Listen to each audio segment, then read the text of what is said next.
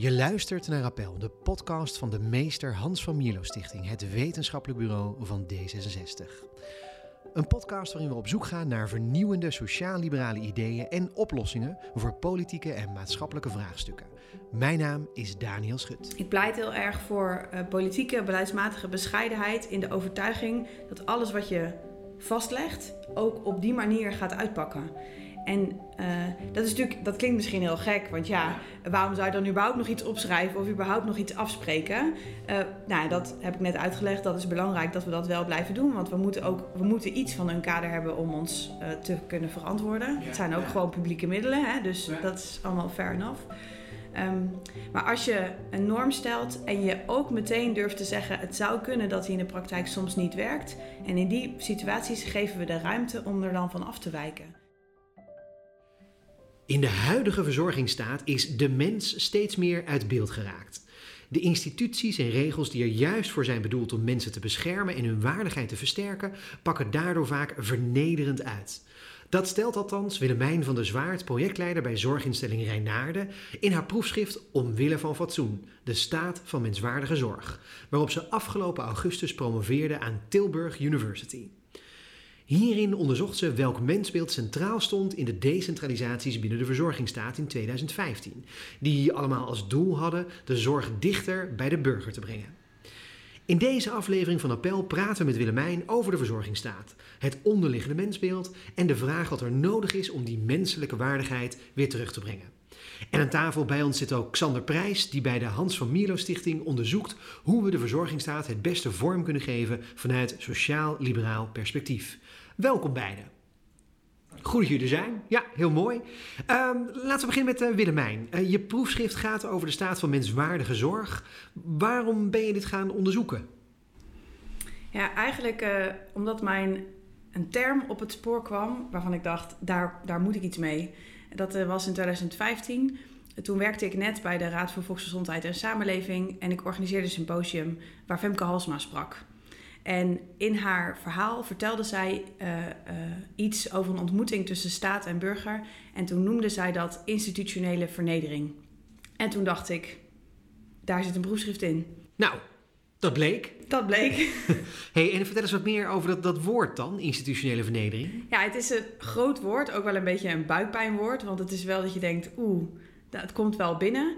Uh, maar ik dacht eigenlijk, uh, het gaat volgens mij over alles waar we op dit moment in de verzorgingsstaat mee bezig zijn. Uh, alles wat, waarvan we, waar we ons zorgen over maken, of wat niet goed gaat, heeft iets te maken met dat het niet goed lukt om mensen zo te helpen zoals ze graag geholpen zouden willen worden. Ja. En dat, dat concept, institutionele vernedering, is uh, bedacht of gemunt door de Israëlische filosoof Avishai Margalit. En Margalit die zegt. Uh, een fatsoenlijke samenleving is een samenleving waarin instituties niet vernederen. Uh, niet op papier en niet in de praktijk. En uh, hij zegt, nou in de verzorgingsstaat gaat dat heel vaak goed, want omdat je niet, je bent niet afhankelijk van gunsten om bijvoorbeeld goede zorg te krijgen, maar dat is een recht. Nou, dat zijn, dat, dat, dat, nou, dat zijn goede papieren om een fatsoenlijke samenleving te zijn. En toch kan het ook in de verzorgingsstaat nog steeds soms misgaan. Ja. Um, en dan heeft hij het over institutionele vernedering. Ja, ik, ik wil het zo verder uitpluizen, maar eerst Xander, uh, sociaal-liberale verzorgingsstaat. Hoe, hoe werkt dat? Um, ja, wat ik eigenlijk in mijn onderzoek heb gedaan, uh, ik onderzoek sociaal-economische thema's, dus ongelijkheid, maar dus ook de verzorgingsstaat of de toekomst daarvan. En wat ik eigenlijk gedaan heb, is nou, gekeken hoe is de verzorgingsstaat eigenlijk ontstaan um, en welke elementen zitten daar nou in en is er nou een ideologisch fundament en eigenlijk niet echt, want het is meer een product van de tijd geweest. Um, na de Tweede Wereldoorlog ging het economisch goed met Nederland en ook met andere westelijke landen. En het was eigenlijk het idee, iedereen moet mee kunnen profiteren van economische groei. En toen is eigenlijk de verzorgingsstaat ook opgetuigd. Um, en Nederlandse beleidsmakers zijn ook geïnspireerd door bijvoorbeeld William Beveridge. Dat is een Engelse econoom en ook uh, politicus. Um, en ik heb eigenlijk dat als uitgangspunt genomen van, nou ja, hoe is dat nou eigenlijk gevormd en wat zou je sociaal-liberaal nou anders willen doen? Ja. Um, het, het, interessante is natuurlijk dat William Beveridge was van de Liberale Partij. Die is uh, daarna ter ziele gegaan in uh, Groot-Brittannië. Maar het was een liberaal dus die de verzorgingsstaat stichtte eigenlijk. Nou ja, stichten is een groot woord natuurlijk, we hebben de invloed. Maar uh, in Nederland was natuurlijk een groot sociaal-democratisch aspect erin, zeker in het begin. Um, En later, na verloop van tijd, kwamen we erachter van... nou, het is best wel duur als heel veel mensen een genereus vangnet hebben. Ehm, dus als heel veel mensen bijvoorbeeld werkloos worden... dan is het best wel duur als de uitkeringen bijvoorbeeld heel hoog zijn. En toen zijn ze gekeken, moeten we nou aanpassen of moeten we nou versoberen? En toen zijn ze... Ze wilden eerst heel graag aanpassen, maar toen ging het economisch beter, was het niet meer nodig. En toen zijn ze gaan versoberen. En dat is eigenlijk waar we nu nog steeds mee zitten. En ook, wat, ook de institutionele vernedering, dat er, nou, misschien is dat het woord, misschien wel het woord waar ik niet echt, zelf niet echt onderzoek naar heb gedaan, dus ik kan er niet heel veel over zeggen. Um, maar de institutionele vernedering van um, mensen behandelen als fraudeurs bij voorbaat al. Um, een paar dagen geleden stond ook in, sociale, in sociale vraagstukken stond een column van Marcel Canoy en Sandra van Dijk. Misschien heb je het gezien. Ja. Uh, en zij hebben gezegd van, is het nou bijstand of is het nou tegenstand? En dat was eigenlijk een column. We noemen het bijstand, maar ja. Ja, precies. Uh, en ja, als sociaal-liberaal zou je dat natuurlijk wel heel anders willen zien, want je gaat uit van het individu. Uh, en dat gebeurt nu ook wel deels. Alleen je hebt een heel ander mensbeeld dat eraan hangt. Is, dat dan, is, is dat dan hoe ik die, Willemijn, die, die institutionele vernedering vooral moet zien? Dat je dus gewoon op puur praktisch niveau, dat er een organisatie is die eigenlijk opereert vanuit wantrouwen. Dus je raakt werkloos, dan klop je aan het UWV en daar zitten dan allemaal mensen die, misschien willen ze het zelf als mens zelf ook niet, maar vanwege de bureaucratische regels eromheen, eigenlijk wel moeten opereren vanuit wantrouwen naar degene die binnenloopt dan. Ja, er zijn eigenlijk er zijn drie vormen van institutionele vernedering. Uh, en deze raakt heel erg aan de vorm van kille, wat heet kille bureaucratie. Ja. bureaucratie die eigenlijk niet meer erin slaagt om het persoonlijke verhaal of het persoonlijke context van mensen mee te laten wegen in een afweging. En nou ja, daar zou je dat. Dat wantrouwen speelt daar denk ik dan vaak een grote rol in. Er zijn nog twee andere vormen. Uh, dat is als de staat of de overheid paternalistisch is. Dat betekent dat volwassen mensen uh, eigenlijk als kind behandeld worden, omdat hen belangrijke beslissingen over hun dagelijks leven of die raken aan hun waardigheid uit handen worden genomen. Noem eens een concreet voorbeeld. Nou, ik denk dat dat een thema is wat in de schuldhulpverlening heel erg speelt. Omdat als je voor je bestaanszekerheid afhankelijk bent van iemand anders die voor jou de administratie doet, waar ook allerlei redenen voor zijn, dan is dat een heel ingewikkelde verhouding. En als je niet oplet, dan, dan slaat die verhouding door, denk ik. Uh, ja. Uh, in het, ja. Even door op het voorbeeld, dan wil ik straks element nummer drie horen, of manier van institutionele vereniging nummer drie. Uh, maar even door op het voorbeeld. Ik hoor hulpprofessionals altijd zeggen: ja, maar wij hebben toch als taak om mensen in hun kracht te zetten. Dus ook een schuld, schuldhulpverlener zet dan mensen in hun kracht. Ja, en, het, en, dat, en uh, laat ik vooropstellen dat ze dat doen vanuit heel veel bevlogenheid en met heel veel goede bedoelingen. En het gaat ook heel vaak goed. ook dat is belangrijk om te zeggen. Um, alleen soms is het zo dat juist dat soort mantra's van in hun mensen in hun kracht zetten, uh, maatwerk bieden, uh, de menselijke maat weer voorop, dat dat soort mantra's ook, ook soort van star worden. Dus dat eigenlijk dat we ook bijvoorbeeld al een opvatting hebben over wat de goede uitkomst is. Want we willen namelijk wel graag dat de burger in de schulden zich daarna op een andere manier gaat gedragen. Dus we hebben ook vanuit over, we geven eigenlijk die schuldhulpverlener niet alleen zijn professionele taak mee, maar ook een taak vanuit de overheid om uh, uh, de burger die die aan het helpen is een stap verder te brengen. En dan wel in een door ons bepaalde richting. Dus, dus eigenlijk is het een beetje een soort paradox of een soort farce als iemand zegt in de kracht zetten. Want is het wel op de manier zoals ik het wil. Ja, en kijk... Of de uh, overheid, de staat. Het, het, kan, het wordt heel vaak gelukkig ook heel oprecht bedoeld. Uh, maar, het, maar juist, het is ook heel erg beleidstaal. Dus het is... Uh, en daar zit ook die andere kant in. Dat we dus bij voorbaat al hebben geconstateerd... in je kracht zetten betekent... Ja. Vul maar in. Ja, ja. ja. ja. Element of interpretatie van institutionele vernedering nummer drie. Nummer drie. Dat is een beetje een andere. Dat is wat we noemen verhulde liefdadigheid. En dat, is, uh, dat gaat eigenlijk heel erg over die professional of over degene achter het loket. Um, uh, namelijk dat uh, mensen gebruik mogen maken van een voorziening. Als ware dat een gunst. Dus het wordt als een gunst verleend waar je ook dankbaarheid voor zou moeten tonen, omdat je zo afhankelijk bent geworden van diegene die jou helpt. Terwijl we feitelijk in de verzorgingsstaat wel recht hebben op dat soort voorzieningen. Ja. Dus dan ga je, waar de verzorgingsstaat de overgang heeft gemaakt van, van liefdadigheid naar bureaucratie of rechten, uh, uh, ga je, maak je dan eigenlijk een soort weg terug. Ja, ja. Nou zijn er wel mensen die zeggen als we teruggaan naar de 19e eeuw of naar de 18e eeuw bijvoorbeeld of zo, de, de functies die de staat nu onder bijstand verleent, die waren destijds ook liefdadigheid. Dus Ja, waarom kun je daar niet naar terugkeren? Ja, dat klopt. Nou, dat is het dan echt even heel erg Marguerite volgens de letter. Hij Ja. zegt in liefdadigheid zit zo'n ongelijkwaardige verhouding. Namelijk dat de een dankbaar moet zijn voor de andere. Dat is wat hem betreft inherent vernederend. Ja. Nou, ik, ik, daar, daar kan je ook wel wat op nuanceren, zeker wel. Ehm, maar in mijn eigen onderzoek heb ik bijvoorbeeld wel gezien dat, eh, eh, dat inwoners het gevoel kunnen hebben dat een beauty-medewerker, ik zal er straks nog wat meer over zeggen hoor, Oh ja. maar ja. als een dochter voor iemand is, of eh, dat het een vaderfiguur wordt, of dat het. En nou, die discussie van hoeveel afstand moet je bewaren als professional, omdat je ook, een, ook een bepaalde, in een bepaalde verhouding in die ontmoeting zit. Nou, dat is denk ik wel een discussie die raakt aan dit thema. Ja, ja.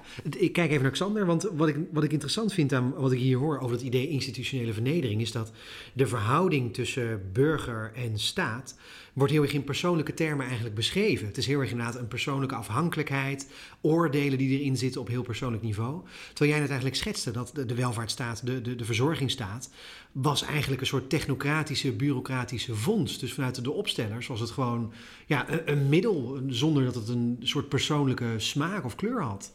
Ja, dat denk ik wel. Ehm, ik moet even nu denken aan een onderzoek van het WRR, een rapport uit 2006. En die hebben gezegd, nou, wat voor functies heeft de verzorgingsstaat nou eigenlijk? En zij komen uiteindelijk op vier functies.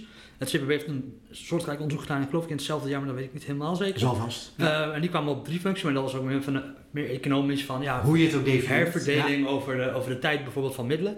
De zegt, nee, er zijn er vier. Ehm, verzorgen, nou, dat is onder andere sociale bijstand, maar ook bijvoorbeeld de jeugdwet. Ehm, dus verzekeren, nou ja, bijvoorbeeld je AOW. Eh, Mhm. is dat een goed voorbeeld? Ja, nou ja. Maar- ja. ja. Nou, eigenlijk is gewoon bijvoorbeeld, je, betaalt Ja, daar... ja, je precies. betaalt Ja, algemene verzekering. Ja, dat is zeker, zeker Ja. een goed voorbeeld. Eh, en dan heb je nog verheffen, nou, bijvoorbeeld via het onderwijs. Van, nou, deze groep is achtergesteld. Of dit, nou, ik zou dan op sociaal, liever- sociaal-liberaal liever zeggen, dit individu is achtergesteld en die gaan we, gaan Ja. we helpen. Ja. Ehm, dan zeg nou ja, of nou voor groepen of voor individuen, het maakt niet zoveel uit, maar verheffen. En de laatste is verbinden, dat er een soort sociale cohesie is. Ehm, dat je als land zeg maar één systeem hebt ehm, waar je allemaal ja, aan bijdraagt en waar allemaal ook profijt van hebt.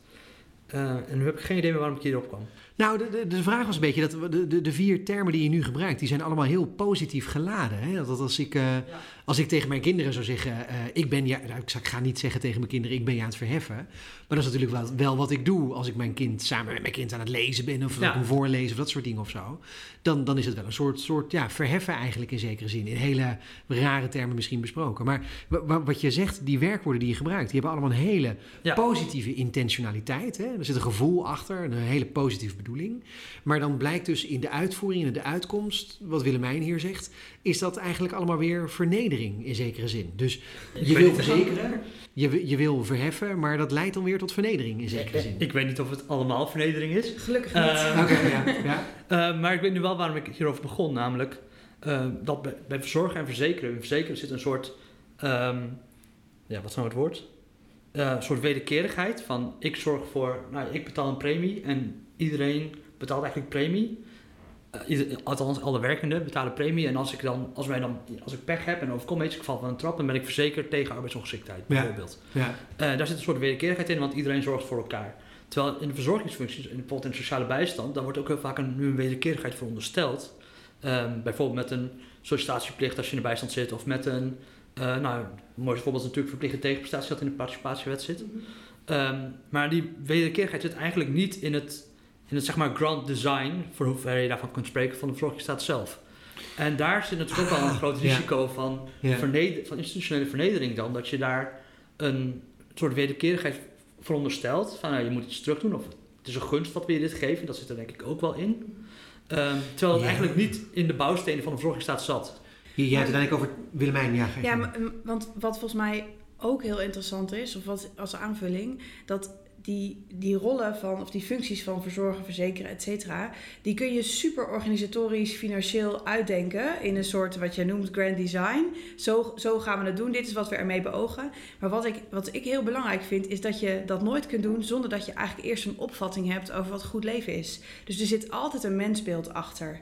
Ehm, en dat betekent dus dat hoe neutraal en objectief en rechtvaardig je dat ook probeert te organiseren, het is ook gewoon hartstikke normatief wat je aan het doen bent. Ja. Uh, als, als overheid. Als je beslist. Ja. Um, is dat normeren niet altijd per definitie vernederend? Nee, normeren is niet, is niet per definitie vernederend, want we kunnen niet, politiek kan niet zonder normen. Beleid bestaat niet zonder dat er ook een normatieve uh, grondslag uh, achter zit. Um, maar wat, wat volgens mij in de, in de verzorgingsstaat vaak misgaat, is dat uh, gaandeweg zo'n norm, bijvoorbeeld nu die norm van, dat is wel mooi dat je dat zegt, participatiewet, dat actieve, de actieve burger, hè? activeren ja. is belangrijk. Of, vinden we belangrijk. Dat het begint als een opvatting over wat uh, goed leven is of menswaardig bestaan. En in de loop van, de, van hoe dat dan bureaucratisch in regels en nog weer volgende regels en nog weer bepalingen, et cetera, wordt gegoten, verliezen we die normativiteit uit beeld en wordt het eigenlijk een soort starre opvatting, namelijk één opvatting over wat goed leven is. Ja. En dan is het voor degene die uiteindelijk in gesprek moet met de burger in de bijstand over zijn tegenprestatie best heel moeilijk om nog ruimte te bieden voor misschien een heel ander idee van wat goed leven is. Uh, um, Ja. uh, of wat van wat actief meedoen eigenlijk betekent. Ja, precies. Het wordt geoperationaliseerd. Hè? Dus iemand komt in de bijstand terecht en er wordt dan, het idee is dat het goed is dat een burger een tegenprestatie levert daarvoor. Maar het wordt dan geoperationaliseerd is in je moet minimaal twee keer per week solliciteren of je moet vrijwilligerswerk daar doen. Ja, Dat is- en dat doen we ja. omdat we anders namelijk achteraf niet kunnen verantwoorden eh, of we wel iedereen gelijk behandeld hebben. Ja. Hè, dus of we niet tegen de een hebben gezegd, oh joh, voor jou geldt dat niet. En oh ja, maar vandaag ben ik een beetje gereinigd, dus voor jou geldt het wel. ja, dat precies. Ja, de Ja. rechtszekerheid, gelijkheid eigenlijk. Ja. Je wou net nog eh, uitleggen dat niet alle, voor, alle taken van de verzorgingsstaat altijd leiden tot een vorm van institutionele vernedering. Eh, ja, dat klopt. Eh, dat, dat zit hem eigenlijk hierin. Want ehm, eh, wat we ook vastleggen in beleid en ook wat er in de politieke arena ook besloten wordt, we hebben nooit helemaal grip op wat er uiteindelijk in de praktijk gebeurt. Want hè, uiteindelijk ontmoet een professional of iemand bij een uitvoerings- uitvoeringsorganisatie die ontmoet burgers met een hulpvraag. En die heeft een zekere ruimte om daarin zelf ook een afweging te maken. Wat past nou in deze situatie? En op het moment, dat is eigenlijk de, de belangrijkste conclusie van mijn onderzoek. Hè, op het moment dat we die ruimte ondersteunen en niet ondermijnen, dan hebben professionals, mensen die burgers ontmoeten met een hulpvraag, eh, ja, hele goede kans om de, om de goede dingen te doen en om niet te vernederen. Oké, dat, dat, dat brengt mij dan wel op de, de belangrijke vervolgvraag. Als we dus de functies van de verzorgingsstaat zo willen inrichten dat ze niet vernederen, hoe dan precies? Want je zegt nu ondersteunen, ruimte bieden. Ehm, dat zijn zaken die professionals zelf ook altijd al zeggen en, en die we ook vaak wel claimen. We moeten de professional ruimte geven. Ja, dat is ook zo'n mantra wat we veel horen Net in als deze tijd. kracht zetten, ja. Net als mensen Ja. in hun kracht zetten Ja. en maatwerk, eh, maatwerk bieden. Ja, ketenregie is dan nog een volgende die ik nog mis. Maar, Nou, weet je, we zeggen, heel, we zeggen heel snel en ook met volle overtuiging, we moeten professionals meer ruimte geven. Maar de vraag is of we het ook echt doen. En ik denk dat het, dat het tegenvalt, in hoeverre we het ook maar echt doen. kom dan eens met Omdat concrete we- voorbeelden hoe we het dan wel zouden moeten doen. Nou, wat, we, eh, wat, je, wat, het, wat eigenlijk het allerbelangrijkste is, is dat. profes- ik, zal, ik begin even bij mijn buurteam, waar ik, waar ik mijn onderzoek heb gedaan. Ehm, eh, dat was een casus van een, van een eh, buurteammedewerker. Die krijgt haar vaste cliënt op bezoek. En die cliënt die is op zoek naar werk. Hij is, hij is uit, uit- uitgevallen en nu weer aan het opkrabbelen. En gaat eerst met dagbesteding beginnen en dan wie weet wel weer een baan betaald op termijn. En in dat gesprek ehm, valt het me zo op dat elke keer als meneer aanbiedt om zelf iets te doen, wat we allemaal graag willen, Ja. hè, want zelfredzaamheid, zelf activeren, dat de, dat de medewerker zegt, nou weet je, ik, dat doe ik wel voor je. Of ik bel je nog wel even om te, om te vragen of dat ook is gelukt. En ik merkte dus als onderzoeker dat ik daar een beetje verbaasd door was, want ik dacht, ja hallo, dit is nou, dit is nou toch precies wat we met z'n allen zo graag willen. Dat mensen zelf Ja. zichzelf kunnen redden, zelfredzaam kunnen zijn. En toen na afloop was de medewerker al weg, praat ik even met meneer na. En ik vroeg hem gewoon hoe hij de, hoe hij de ondersteuning van die medewerker ervaart. En hij zegt, het is, het is, ze kent me door en door. En ze, ze weet dat als, ik het, dat, dat als ze het niet navraagt, dat ik het toch niet doe. En daarom is het zo'n fijne medewerker. Ja, Nou, wat er in deze ontmoeting gebeurt, is dat je eigenlijk ziet dat de medewerker dat, dat, dat hele beleidsdiscours van zijn zelfredzaamheid eigenlijk even parkeert. En zegt, dat kan, dat, dat kan allemaal wel wezen dat we dat willen met z'n allen. Maar voor deze meneer is het belangrijk dat ik een stapje harder loop, zodat hij daadwerkelijk uiteindelijk weer kan gaan doen wat hij, wat hij, wat hij belangrijk vindt in zijn leven. Ja. Of zijn waardigheid weer, Ja. weer vindt. En ehm, dat vraagt best wel veel van die medewerker, want die moet dus zo sterk of zoveel lef hebben om te zeggen: ik, eh, dat beleidsdiscours, dat kan maar even wat. Ik ga hier gewoon mijn eigen inschatting maken. Maar het vraagt ook iets van de organisatie daaromheen, die, eh, die haar moet ondersteunen in dat zij dus meer uren blijft draaien voor deze cliënt, in plaats van dat ze Ja. meer gaat doen. Ja. En het vraagt ook iets van, in dit geval de gemeente, dat zij dus in ho- hoe ze verantwoording eh, van het buurteam vragen, dat ze daarin dus eh, ruimte blijven bieden om, dit, om dus zo, hun, zo vrij hun mensen eh, uren te laten draaien. Ja, ja, dus ze moet niet op, eh, van de baas op haar kop krijgen dat ze daar meer uren voor gemaakt Nee, heeft. dus Dat even is- stel je ja. voor, dat in, Utrecht, in Ja. Utrecht doen ze dat gelukkig niet. Daar hebben ze dus geen opvatting, daar heeft de gemeente dus geen opvatting over hoe lang een traject van een, van, mag, lo- mag lopen of mag duren. Ja, Dus omdat ze zeggen, die inschatting is aan de professionals. En dat is dus niet iets wat wij als gemeente vooraf bepalen. Als je na drie maanden nog steeds niet eh, geholpen bent, dan moet je maar naar die of die, zeg maar, Ja, doorstromen. ja. Xander? Ja, ik, eh, er kwam eigenlijk net een vraag in me op, eigenlijk twee. De eerste is, hebben andere gemeenten dan dat wel, zo'n traject? En ik kan me heel goed voorstellen dat het antwoord ja is. Eh, een andere is van, ja, de professional in de kracht zetten, zei je net. En dacht ik, moeten we dan niet ook gaan kijken naar überhaupt de regels? Van, zit daar niet al iets dat, dat schuurt? Ehm, eh, nou, eh, je eerste vraag is dat ja, het gebeurt nog steeds dat gemeenten eh, en trouwens of de landelijke overheid, de overheid toch wel opvattingen heeft over hoe een ideaal zorgtraject eruit zou zien. Terwijl ze daarmee dus in feite op de stoel van de professional gaan zitten, wat denk ik niet moet. Ehm, eh, en het tweede is dat ehm, eh, wat, we ook, wat, we, wat voor regels we ook maken, of misschien als we veel minder regels zouden maken, we moeten als overheid ook bepaalde normen stellen. Dus bijvoorbeeld eh, in Utrecht is er een norm van wat een schoon huis is. Want als je eh, geen norm hebt, als je niet opschrijft, dit verstaan we onder een schoon huis, dan kun je niet verantwoorden waarom de een wel huishoudelijke hulp krijgt en de ander niet. Dus je hebt iets van een norm nodig om op terug te vallen voor het toekennen van huishoudelijke hulp. Nou, dat is intrinsiek niet per se verkeerd. Zo ook wat we net, waar we het net over hadden. Dat, dat is op zich, dat is nog echt geen vernedering. In de verste verte niet. Nou ja, ik zou het heel raar Nee. vinden als de gemeente bij mijn huis binnenkomt, maar dat is... eh, Ja, dat ja. klopt. Alleen eh, het wordt dus ingewikkeld op het moment dat je daar, die situatie heb ik ook ge- geobserveerd, dat iemand dus ehm, eh, huisbezoek moet toelaten. eh, eh, eh, als voorwaarde voor het Ja. toekennen van huishoudelijke hulp. En eigenlijk denkt, ja, ik voel me daar niet prettig bij, want het is mijn huis. Of, dat was ook een, een ander voorbeeld, dat, je, dat er een gesprek wordt gevoerd. Dat de medewerker zegt, ja, eh, uw familie die, ehm, ja, die vindt eigenlijk, die heeft aan de bel getrokken bij mij. Het is niet schoon genoeg, het is niet hygiënisch en eh, eh, u bent ook nog mantelzorger, dus u heeft, daar hebben ook nog andere mensen last van dat het niet hygiënisch of niet schoon genoeg is in huis. Terwijl die meneer zelf zei, ja, maar ik vind het schoon genoeg. En dan kan de medewerker dus niks. Want dan, Ja. want dan je moet je dan verhouden tot die norm. Maar je, en, en je kan eigenlijk ook niet meer iemand helpen, want het stagneert. En in die stagnatie, daar, daar wordt het dan, zeg maar, daar kom je eh, een beetje klem te zitten. Want dan komt dus de hulpverlening niet verder. Terwijl we dat wel willen. Want we hebben niet voor niks met elkaar besloten dat we huishoudelijke Ja. hulp willen aanbieden in sommige gevallen. Ja. In dit land. Ja? Ja, ik, dit is heel dicht op de praktijk. Daar heb ik eigenlijk niet zo heel veel over toe te voegen. Ik zit meer op een, nou, misschien een metaniveau niet het juiste woord, maar wat iets hoger, eh, een beetje bird's eye perspectief. Van hoe, hoe regelen we dit nou allemaal in? En bijvoorbeeld de thuiszorgcasus, dat, dat, dat ken ik eigenlijk helemaal niet. Dus ik zit gewoon vol in Ja, te Ja, luisteren. misschien wat wel, want ik vond het wel mooi wat jij eerder in het gesprek, Xander, toen schetste je eigenlijk iets over die zo na de Tweede Wereldoorlog en hoe de, hoe de verzorgingsstaat toen zeg maar eigenlijk doorzette of echt pas gestalte kreeg. In mijn onderzoek heb ik dat ook bekeken, inclusief ook de aanloop vanuit de 19e eeuw.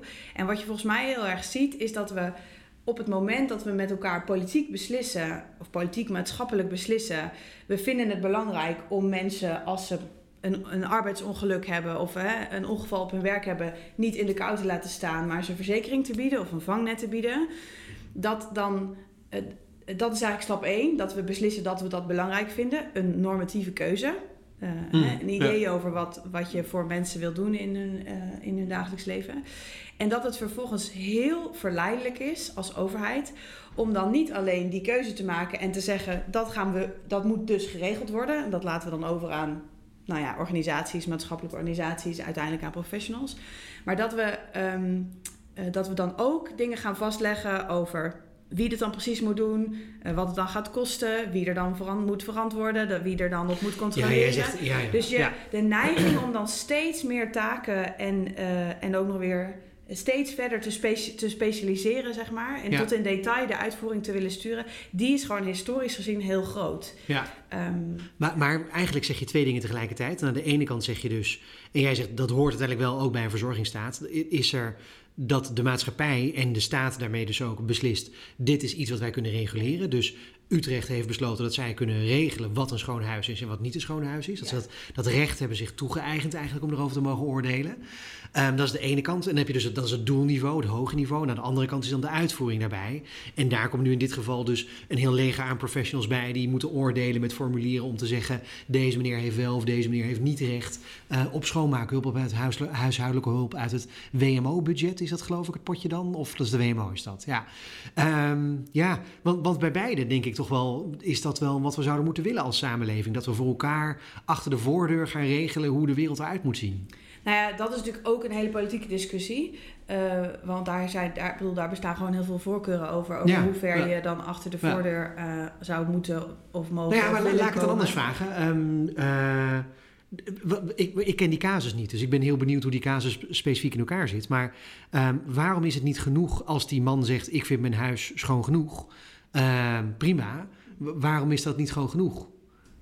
Nou dat- ja, eigenlijk als ik jou goed begrijp, zeg je dus: nou ja, dan heeft hij dus ook geen recht meer op huishoudelijke hulp uit de WMO. Nee, Maar dat is dan toch ook prima? Ja, daarvan kun je dan ook zeggen dat is dus iemand zijn eigen beslissing. In dit geval woonde zijn moeder ook nog bij hem in en die had er wel last van. Dus, dat, dus dan heb je eigenlijk, dan, dan komt de hulpverlening voor de een, komt, nou ja, komt eigenlijk, eh, raakt in de verdrukking doordat de ander eh, Ja. niet, niet volgens de normen mee wil werken. Dus, dit was, dus dat maakte deze casus zo ingewikkeld. Ja. Maar wat, ehm, ehm, wat we volgens mij waar we naartoe zouden moeten, is dat. eh, is niet dat we, dat we al die normen dus niet meer gaan stellen, want dat, dat, dat kan eigenlijk niet. Zeg Maar we, we hebben, ja, als overheid of als, ook als gemeente moet je een aantal normen gewoon kunnen en eh, mogen stellen. ja. Alleen het is belangrijk dat je altijd, je altijd je realiseert dat het ook anders kan zijn. Dus dat, je, eh, dat, dat het in de praktijk ook, ook heel anders kan uitpakken. En dat zo'n norm dan eigenlijk niet meer helpt of niet meer doet waar, waarvoor die bedoeld is. Of waarmee die, met welke goede bedoeling die is geformuleerd. Ehm, en dat is wat ik in mijn onderzoek een soort ehm, ja, bescheiden, zeg maar, soort principiële bescheidenheid ben gaan noemen. Ehm, ik pleit heel erg voor eh, politieke, beleidsmatige bescheidenheid in de overtuiging dat alles wat je vastlegt ook op die manier gaat uitpakken. En eh, dat, is natuurlijk, dat klinkt misschien heel gek, want ja, Ja. waarom zou je dan überhaupt nog iets opschrijven of überhaupt nog iets afspreken? Eh, nou, dat heb ik net uitgelegd. Dat is belangrijk dat we dat wel blijven doen, want we moeten ook we moeten iets van een kader hebben om ons eh, te kunnen verantwoorden. Ja, Het zijn ook ja. gewoon publieke middelen, hè, dus dat is allemaal fair enough. Ehm, maar als je een norm stelt en je ook meteen durft te zeggen: het zou kunnen dat die in de praktijk soms niet werkt. En in die situaties geven we de ruimte om er dan van af te wijken. Ja. Dan heb je een. Ja. eh, dan, dan komt er veel meer ruimte voor de uitvoering, voor professionals in de praktijk, om in gesprekken met, eh, met burgers eh, de goede dingen te doen. Een soort uitvoeringsliberalisme. Dus niet, niet vragen stellen bij moet de overheid deze doelen wel mogen stellen. Maar meer in de uitvoering, als je die doelen stelt, wees dan niet te hard als het niet specifiek lukt in die situatie. Ja, en dan dus ook erop vertrouwen dat wat de afweging die, of de, de, de, de beslissing die dan genomen wordt, dat dat dus ook een goede beslissing kan zijn. Ja, Eh, en dat je dan niet per se eh, je niet voldaan hebt aan de, aan de regels of Ja. aan de. ja. dus opereren vanuit vertrouwen eigenlijk. Ja, gaat heel erg Ja. over vertrouwen, zeker. Ja. Xander, uitvoeringsliberalisme. Ja, mooie term. Ja, ja. ben je het Eh. wel vaker tegengekomen in je onderzoek naar de verzorgingsstaat? Nou, ik ga dit nu gewoon claimen. Heel goed, ja. Maar ehm, ja, vertrouwen is denk ik een heel, belangrijk, een heel belangrijke term. En ehm, uitgaan ook van vertrouwen in mensen. We hebben nu juist een heel apparaat om fraude op te sporen opgetuigd. Ik las eh, vorige week dat het aantal kliklijnen voor bijstandsfraude in Nederland enorm is gestegen nog weer. Ja. 196 gemeenten hebben een klikklein bijstandsfraude. Dus dan moeten je buren gaan denken. Die moeten gaan bellen bijvoorbeeld. hey, deze persoon naast mij die, eh, heeft bijstand. Maar eh, ik zie dan, hij heeft een vriendin en die, komt, die woont er eigenlijk in. En dat mag niet. Denk, dan, dan krijg je toch een, een, een samenleving waarvan ik denk, moeten we dat wel willen? Het antwoord is nee. Uh, Fijn dat je die ja. retorische vraag zelf even beantwoordt. Ja. Ja, ja, voor het geval dat je denkt van ja, moeten we dat eigenlijk willen? Nee. Ja.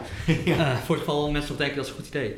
Ehm, maar dat ondermijnt natuurlijk ook sociale cohesie. Ehm, en ik denk dat nou, dat is precies het tegenovergestelde van opereren op vertrouwen. En ik denk dat vertrouwen dus een heel belangrijk woord is dat je net noemt. Ehm, en dat is ook iets wat ik, wat ik zelf ook al in, een eerder stuk een keer heb opgeschreven. Van, ga nou eens uit van vertrouwen. En ga niet uit van dat... Nou, we hadden natuurlijk wel een probleem met, met nou, niet zozeer bijstandsvrouwen, maar vooral heel veel fraude met de WHO. Ehm, dat was rond de jaren 80 geloof ik zo in mijn hoofd. Ehm, want het was heel lucratief om in de WHO te zitten. En dan kon je een soort van vroeg pensioen. En dan, ja, want- want je werd heel, heel makkelijk als ziek gemeld. Dus ik snap wel dat er enige, ehm, enige controle moet zijn nog. En nog enige, nou, misschien wel normen. Alleen, het moet natuurlijk... Oh, eh, maar ik denk dat er nu is doorgeslagen. Dus je nu heel makkelijk... Bijvoorbeeld als fraudeur, zeker in de bijstand, word je heel makkelijk als fraudeur bestempeld. Ja. Eén administratieve fout en dan ben je al fraudeur en je mag een flink bedrag gaan terugbetalen. En ik denk dan vererg je alleen de problemen maar verder. En daarin in, het is een mooi voorbeeld omdat het precies laat zien hoe de bureaucratie in onze verzorgingsstaat werkt. Her, er is een concrete aanleiding om ons zorgen te maken over fraude. Dat, die, dat, hè, dat is een incident geweest. Eh, het gaat nu natuurlijk veel over de Bulgare fraude. Eh, Ik wou net zeggen, we hebben nog geen Bulgare fraude en toeslagenaffaire Nee, gezegd. maar ze liggen, ze we het wel hangen, over het hebben, is een ja, beetje ja. de, de olifant in de kamer, zeg maar. De, dat, eh, maar ik heb, ik heb ze ook niet onderzocht, dus in alle bescheidenheid. Ehm, maar wat er gebeurt, is dat het, het, het beeld van de potentieel frauderende burger... dan alle andere mensbeelden die er ook nog zijn, gaat ja, daaroverheen schuift. eh, gaat overroelen. En dat je dus... En dat is dan niet, dat gebeurt niet alleen in het politieke debat... Uh, maar het gebeurt vervolgens ook in de, de beleidsdocumenten en de wetten en regels die eruit volgen. En die reproduceren zich helemaal tot in de praktijk, tot aan het loket. Waar, of de, hulp, de, tele, maar de telefoonlijn waar iemand naartoe belt met een vraag of een bezwaar over hoe het, is, over hoe het met zijn toeslagen is. Um, en degene die daar zit, vanuit die eigenlijk de overheid vertegenwoordigt, die kan niks meer. Die, heeft dus, die is zo, zeg maar, die is zo ja. ge, uh, gedwongen om, om alleen nog maar dat protocol te volgen. Dus dat is zeg maar, handelen zonder aanzien des persoons in de extreme zin van het woord. Da, da, dan kan hij dus nooit meer de persoonlijke context, het verhaal wat iemand meebrengt, meewegen. Ja. En dat is precies, dat is nou echt een vorm van het ondermijnen van die ruimte waar ik het steeds over heb. Um, en als we dat dus te veel doen, dan zien we wat daaruit voort kan komen ja, in ja. Uh, de alle schrijnen. Het klinkt ook een beetje, uh, en, want daar moeten we het ook nog over hebben. Je bent je onderzoek begonnen in 2015, uh, ten tijde van de decentralisaties van onder andere de WMO. Het klinkt ook een beetje alsof je eigenlijk zegt dat het hele idee van decentraliseren was eigenlijk ook echt wel een goed idee. Omdat daarmee de uitvoering lokaler is en dichter bij de burger. Maar klopt die indruk? Uh, dat klopt in zoverre dat ik inderdaad denk dat, uh, dat sinds de zorg of delen van de zorg gedecentraliseerd zijn, er in heel veel gemeenten echt meer ruimte komt voor uh, professionals om uh, nou ja, afwegingen te maken die passen bij de situatie. En dat is makkelijker omdat, je, omdat de overheid dan minder ver weg is. En je, nou ja, je, ook, je ziet dat heel veel gemeenten ontzettend investeren in gesprekken met degene die het werk doen. Uh, dus dat ze, veel, dat ze elkaar gewoon veel beter leren kennen. Ja. En dat zijn, dat zijn denk ik hele goede dingen.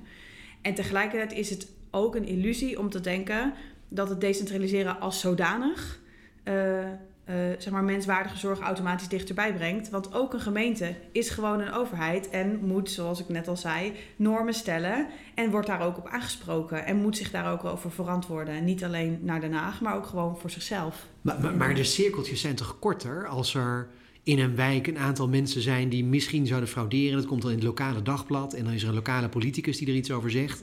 Maar die mensen over wie dan gesproken wordt, die lezen ook het lokale dagblad. Dus die gaan er weer inspreken bij de gemeenteraad en zeggen dat is helemaal niet zo. Omdat het veel dichter bij elkaar zit, kunnen ze toch veel makkelijker elkaar ook corrigeren als nee, ze elkaar je kunt in ieder geval elkaar veel, veel sneller vinden en elkaar, eh, eh, nou, gewoon je ook beter verplaatsen in elkaar. Dat is Ja. denk ik zeker wel zo.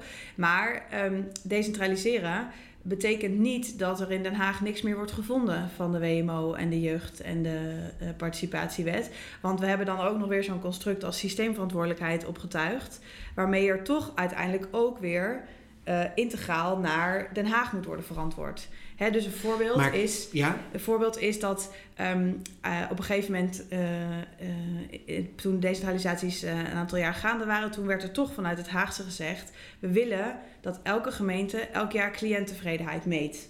Want anders weten we niet hoe het gaat. En eh, we moeten ook op een soort geaggregeerd landelijk niveau wel verant- kunnen verantwoorden dat we de goede maar waarom dan? Je zou bijna kunnen zeggen, dan ben je dus je decentralisatie niet goed aan het uitvoeren. Ja, dat heeft iets te maken met die, met die, die neiging of die dynamiek. Die, we vinden dat heel moeilijk om dat echt los te laten. Hè? Dus we, omdat Ik het, niet. Nee, nee, jij niet. Wie zijn de we hier, Willemijn? Wat is, eh, nou. ja.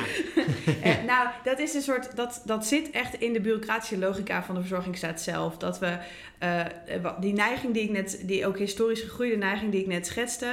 Zodra we zeggen als collectief of als samenleving, we vinden het belangrijk om eh, zorg voor kind en gezin gezamenlijk te organiseren, dus gezamenlijk te financieren, dan krijg je ook. Dan moeten we ook gezamenlijk verantwoorden. En dat gebeurt uiteindelijk ook op landelijk niveau. Want daar, daar ja, dat moet dan toch weer samenkomen. Dus willen we weten hoe het in al die gemeenten, ook al doen ze dan allemaal anders, wel gaat met de cliënttevredenheid in dit geval. Ja, ja. Nou, wat er dan gebeurt, dat was namelijk een heel mooi voorbeeld eh, uit mijn onderzoek. Dan komt er een standaard vragenlijst met hoe je aan mensen vraagt of ze tevreden zijn. En eh, in het Utrechtse zijn ze dan eigenwijs, want dan zeggen ze ja, maar deze vragen die passen eigenlijk niet bij hoe wij met onze buurteams Ja. willen omgaan. En al helemaal niet met hoe we bij, met onze inwoners willen omgaan. Dus we gaan hem, we gaan hem tweaken, we gaan er iets van maken. Nou, dat is dan allemaal al op het randje. Totaal dat- niet meer valideerbaar Nee, want de hoe moet dat conclusies dan? zijn Want weer... als ja. alle gemeenten Ja. dat gaan doen, et cetera. Maar goed, het mocht. En eh, eh, eh, ze, hebben daar iets, ze hebben daar geprobeerd iets moois van te maken. Maar het blijft een standaard meetinstrument. Wat je in ontmoetingen dus moet inbrengen als Ja. medewerker. Nou, ik was toevallig Ook weer getuige... zorgjargon, hè? dingen inbrengen. Ja. ja. Ik was toevallig getuige van, de, van, een, eh, van een bijeenkomst waar eh, dat, dat, dus dat hele zorgvuldige proces werd gepresenteerd en de uitkomst ervan. Dit is wat we gaan doen. Ehm, en nou ja, al de medewerkers zeiden ja, maar dit kan, ik, dit kan ik toch niet zo voorleggen aan mijn mensen. ja. Ze snappen het niet. Het moest op de iPad. Dat lukt niet iedereen.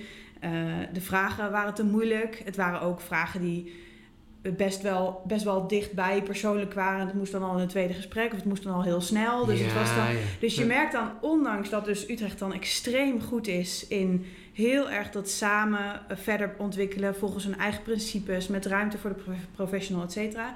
Zelfs dan eh, is het nog steeds heel moeilijk om iets te maken wat, niet, wat die ruimte van, eh, van Ja. mensen niet inneemt, van de medewerkers niet inneemt. Maar, maar, maar dit lijkt mij toch weer een argument om te zeggen... ehm, misschien moet je het dan maar op landelijk niveau heel eerlijk zijn en zeggen... dit, dit willen we dus niet op landelijk niveau ook niet meer verantwoorden. Dat zou kunnen, ja. De, zo lijkt het Ja. nu. Hè? Ik bedoel, dat is wat ik ervan oppik Ja. als iemand uit Den Haag Ja. zo'n lijst Maar dat is natuurlijk wel lastig. ja? zei over Ja. solidariteit. Ja. Maar dat is natuurlijk wel lastig, want ehm, voor een groot deel is het natuurlijk ook de begroting van het ministerie van Sociale Zaken, waar dit geld van afkomstig is. Dus dan is het ook lastig als je dan geen, geen verantwoording aflegt over je begroting. Ja, zo. Maar nu ja. we het toch over begrotingen hebben. Ja, precies. Ja. Want 2015, want de decentralisatie, eh, de- de- heel vaak de vraag, was dan nou een goede set? Ik, ja, ik denk dat op beleidsniveau best wel een goede set kan zijn dat de gemeente organiseert.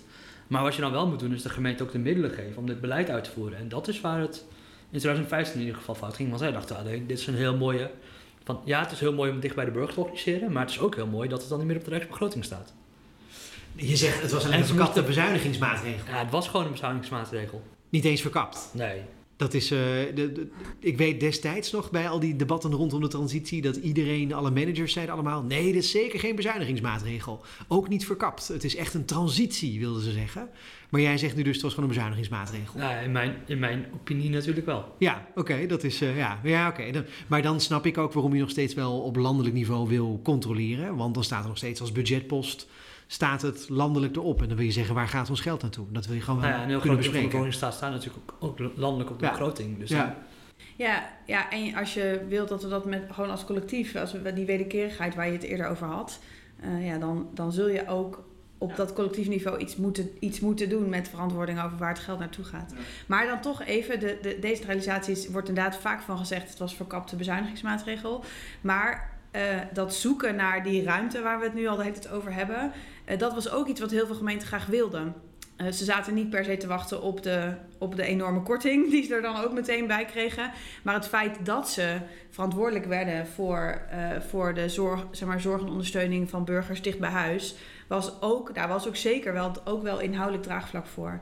Dus het is, ehm, en dan is bijvoorbeeld ja, dus het idee van als we decentraliseren wordt het ook goedkoper. Dat was een, ook een van de normen die in de decentralisaties heel erg eh, zijn eigen leven is gaan leiden. En toch. ehm, in mijn onderzoek heb ik ook, eh, heb ik ook gesprekken bijgewoond waarin zo'n team, zo'n buurteam, echt heel ja, conscientieus afweegt. Moeten we nou deze aanvullende fysiotherapie voor een, voor een meisje met een beperking dat begeleid wil ponyrijden wel of niet eh, indiceren? Want het kost veel geld en ponyrijden is ook iets wat je normaal als ouders zelf betaalt.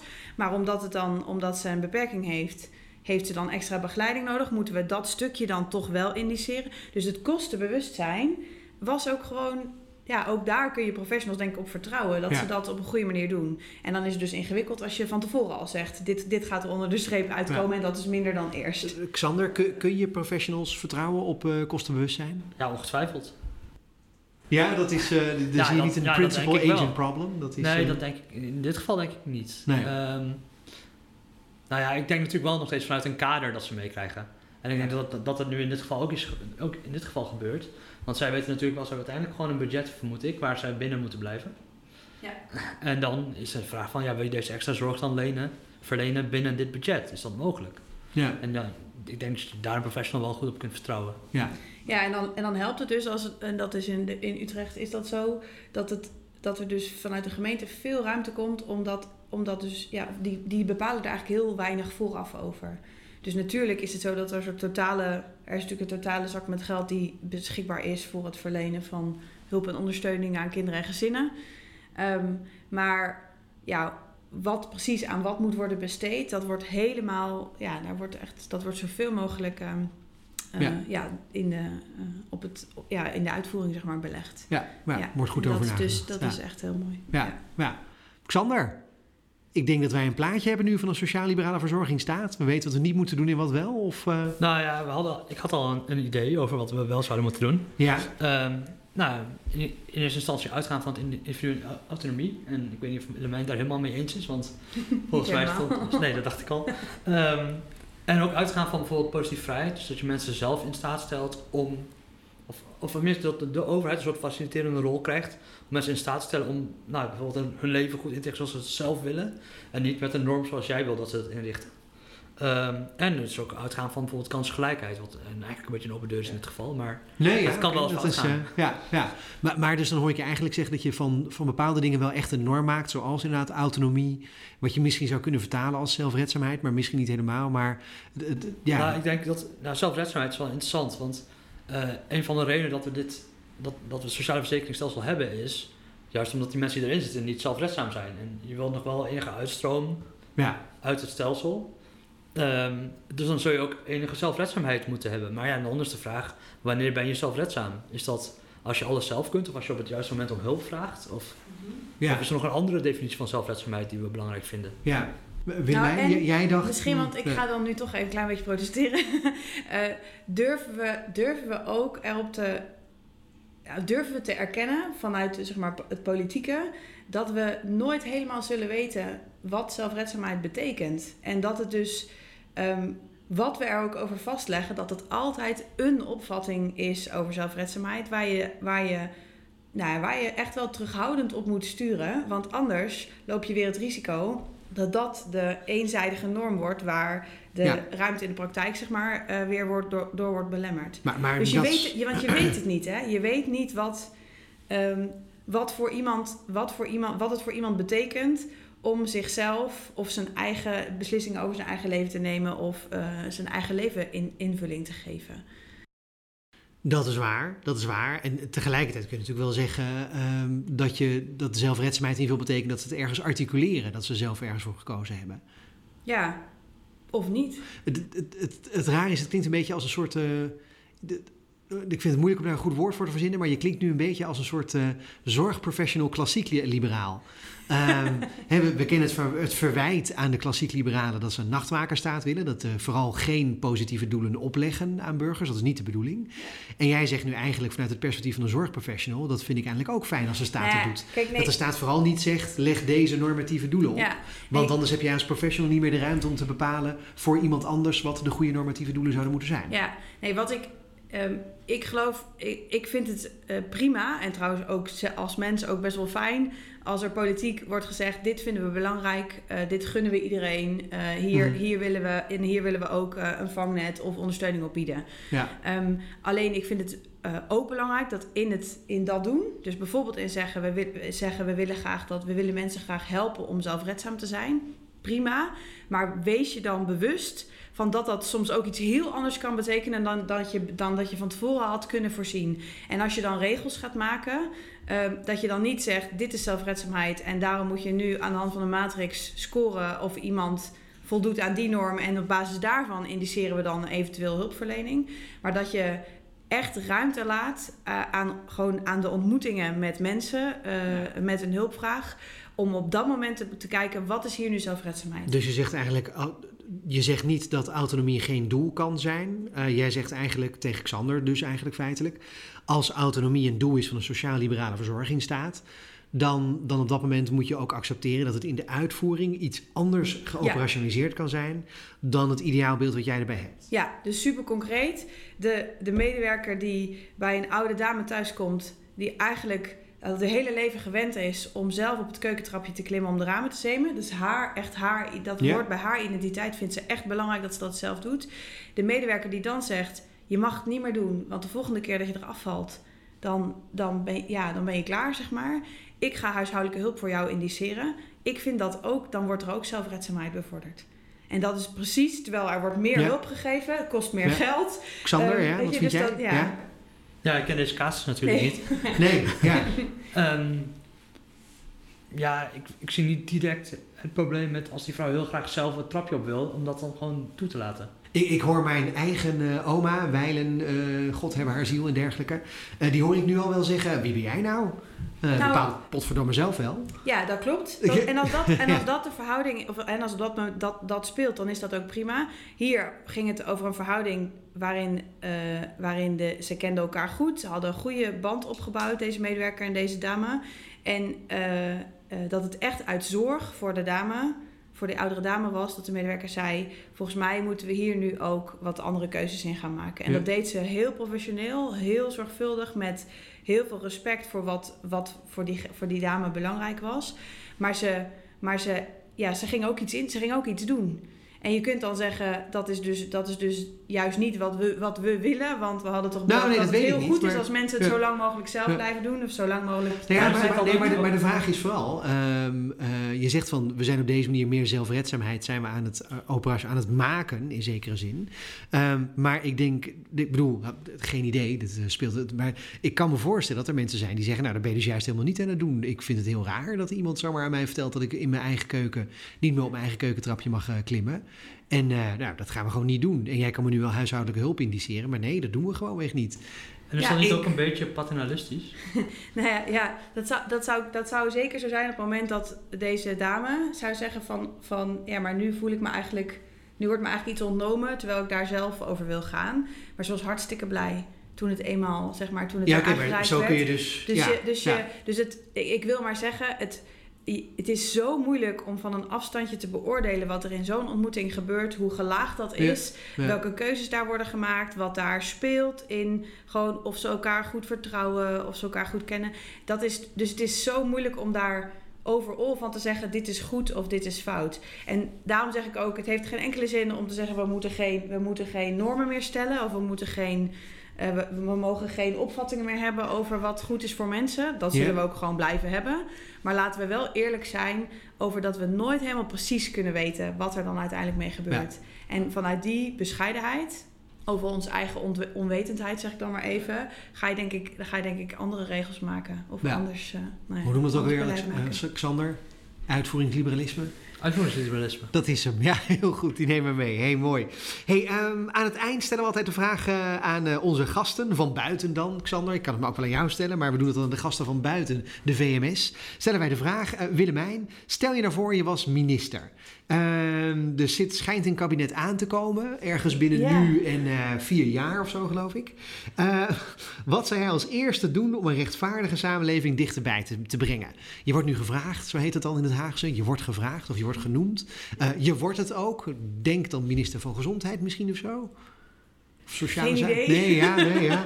Maar, maar wat zou jij het kabinet nu adviseren? Wat zou je als eerste doen om een rechtvaardige samenleving dichterbij te brengen? Nou, dat is, dat is een leuke vraag, want de, de laatste vraag tijdens de verdediging van mijn proefschrift was wat ik in het nieuwe regeerakkoord zou willen zetten. Nou. Dus ik dacht, nou, dan, dan, ga ik dat, dan zeg ik dat en dan ga ik dat ook uitvoeren als minister. Ehm, ik denk dat we nu eh, in de nasleep van de toeslagenaffaire enorm de neiging hebben om uitvoeringsorganisaties nog strenger te gaan reguleren. Dat dat de reflex is. En ik zou eigenlijk voor het tegenovergestelde willen pleiten. Dus ik zou in de afwikkeling van de toeslagenaffaire heel, heel terughoudend zijn. Of ik zou eigenlijk heel erg willen investeren in de ruimte voor de mensen die daar werken. Om, om de goede dingen te blijven doen. En dat, en dat zal ook vergen dat ik op mijn handen ga zitten. Een cultuur en- van vertrouwen en dat in de ik ook uitvoering. aan een kamer ga uitleggen dat dat dus betekent dat je soms ook op je handen moet. Ja, ja, dus een cultuur van vertrouwen in de uitvoering. Ja. En dat betekent soms dus niks doen. Ja. Ja, Ja. oké. Dankjewel. Hartelijk dank Willemijn en Xander. En luisteraar, bedankt voor het luisteren. Vergeet niet je te abonneren op deze podcast. Over een paar weken dan zijn we er weer. En dan gaan we het hebben over burgerparticipatie in de energietransitie. Tot dan!